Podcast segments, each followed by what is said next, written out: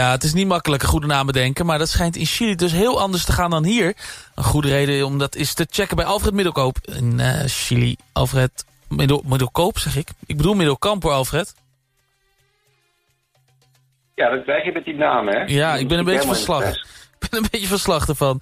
Uh, hoe, zit, hoe zit dat in Chili met, uh, met die naam, Alfred? Nou, ik denk dat het grootste verschil toch wel is de, de achternamen. En uh, hier is het dus uh, volstrekt gebruikelijk dat jij uh, twee achternamen hebt. En dat heet dan de apellido paterno en de apellido materno. Terwijl je krijgt de achternaam van je vader en de achternaam van je moeder. Dus, dus mijn vrouw die heet... nee, nee, nee, je krijgt, ze, je krijgt ze allebei. Vaders zijn voor niks. mijn vrouw heet Flavia Espinosa Martinez. En Espinosa is dus de achternaam van haar vader. En Martinez de, de achternaam van haar moeder. Ja. En hoe gaat het... Jij hebt ook uh, kinderen, die heten dan Espinoza Middelkamp. Precies andersom. Oh. Dus uh, mijn, mijn kinderen, mijn beide zoontjes uh, Max en Tobias... die hebben beide als, als achternaam Middelkamp Espinoza. Oh ja. Maar dan is het nog wel zo dat de, de, man, de naam van de man eerst komt?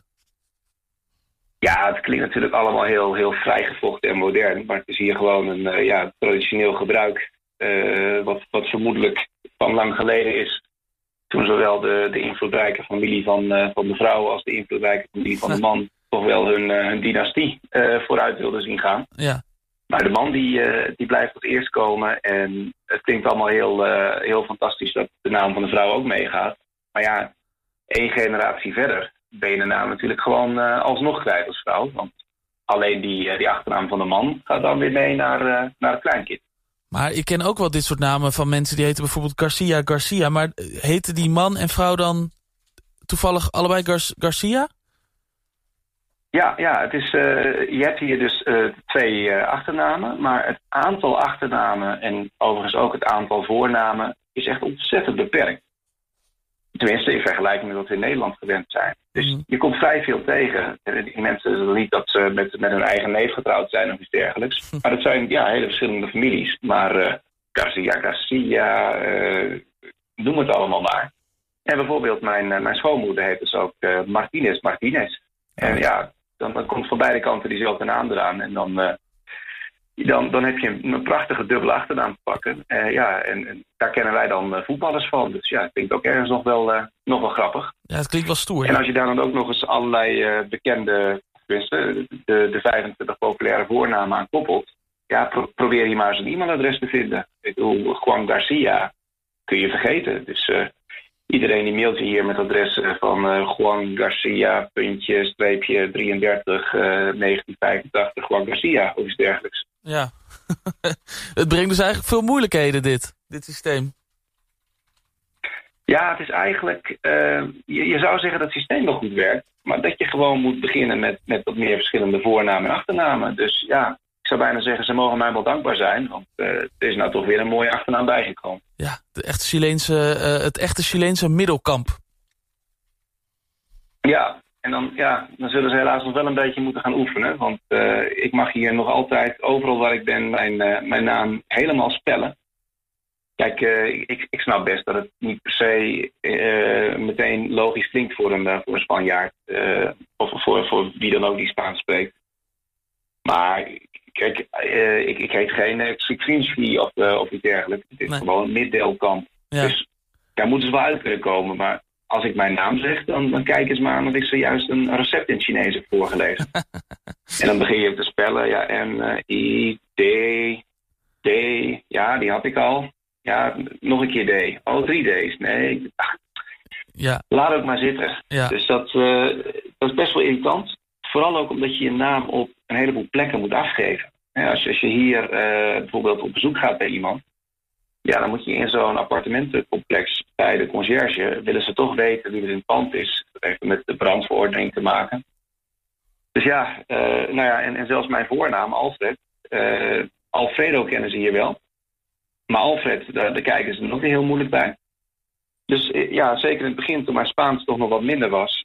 dan begon ik uit te leggen, ja, Alfredo, sin O. Zonder O. Ja. En ja, doordat je dat dan iets sneller gaat zeggen... En uh, tot mijn verbazing vroegen ze vervolgens niet meer naar mijn achternaam. En als je dan eens op het velletje kijkt, dan hebben ze dus keurig Alfredo opgeschreven. En bij de achternaam Sino neergezet. ja. Dus dan denk ik, hé, hey, dat, uh, dat werkt wel. Nou ja, het scheelt mij spellen. Dus sindsdien, als het, uh, als het niet zoveel uitmaakt, dan roep ik gewoon Alfredo Sino. Ik lieg helemaal niet. Nee. En als zij het daarvoor doen, dan, dan vind ik het hartstikke prima. Echte Chileense achternaam heb je dus. Sino. Ja, ja. En, en, en zelfs mijn vader, die hier dan regelmatig op bezoek is, die, uh, die, die hoorde dat ook. En, en hij heet dan uh, Albert. En nou, Alberto kennen ze hier ook en Albert niet. Dus die heeft dat overgenomen. Dus ja, wij gaan weer als de Sino-dynastie door het leven tegenwoordig. Ja, heel slim, heel slim. En al die dezelfde namen, dan dat zou je denken dat er ook veel, veel bijnamen in de omloop zijn. Is dat ook zo?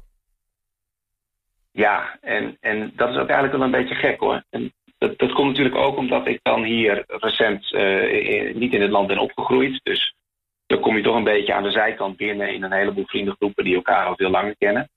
Maar ja, er wordt dus heel veel gebruik gemaakt van, van bijnamen. En dan moet ik zeggen hoor, bij bepaalde voornamen hoort altijd een bijnaam. Dus als je hier Francisco heet, dan is uh, Pancho hoort daar gewoon bij.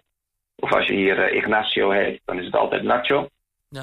Maar ook een heleboel andere uh, bijnamen. Bijvoorbeeld uh, gordo of negro. Hè, dat betekent dan dikke of zwarte.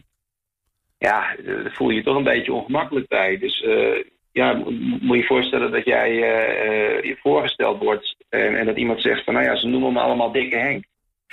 dan denk je toch van, ja, zullen we even een jaartje wachten... tot we elkaar wat beter kennen. Voordat ik je ook met, met, met Henk gaan spreken. ja. Ja, en, en, en ook bijvoorbeeld bijnamen die dan, die dan vanuit de achternaam komen. Uh, dus dus uh, nou ja, als, als, als, jij mij voor het eerst zou treffen en je zegt van nou, ik, ik heet Wouter Bouwman, maar noem me maar Bouwmannetje. Ja. Dan denk ik ja, nou, nee, liever niet. en dat, uh, ja, dat gebeurt hier dus wel. Wij hebben een, een, een, een, hulp om, om, om onze zoon wat, wat, wat helpen met bewegen. Ja. En die, dat is een fysiotherapeut. En ja, die, die kwam de eerste dag ook binnen. Die zegt, eh, ik heet Maria Pas en noem me maar Pasita. Ja. Ja, dat, eh, dat doe, doe ik nog steeds niet. Dus het is een beetje te, te, te vriendelijk, wordt het dan? Ja, het wordt wel heel snel heel clash, vind ik. Ja, ja, een beetje familiair inderdaad. Nou ja, um, we houden het maar bij, uh, bij Alfred en Wouter dan, uh, Alfred.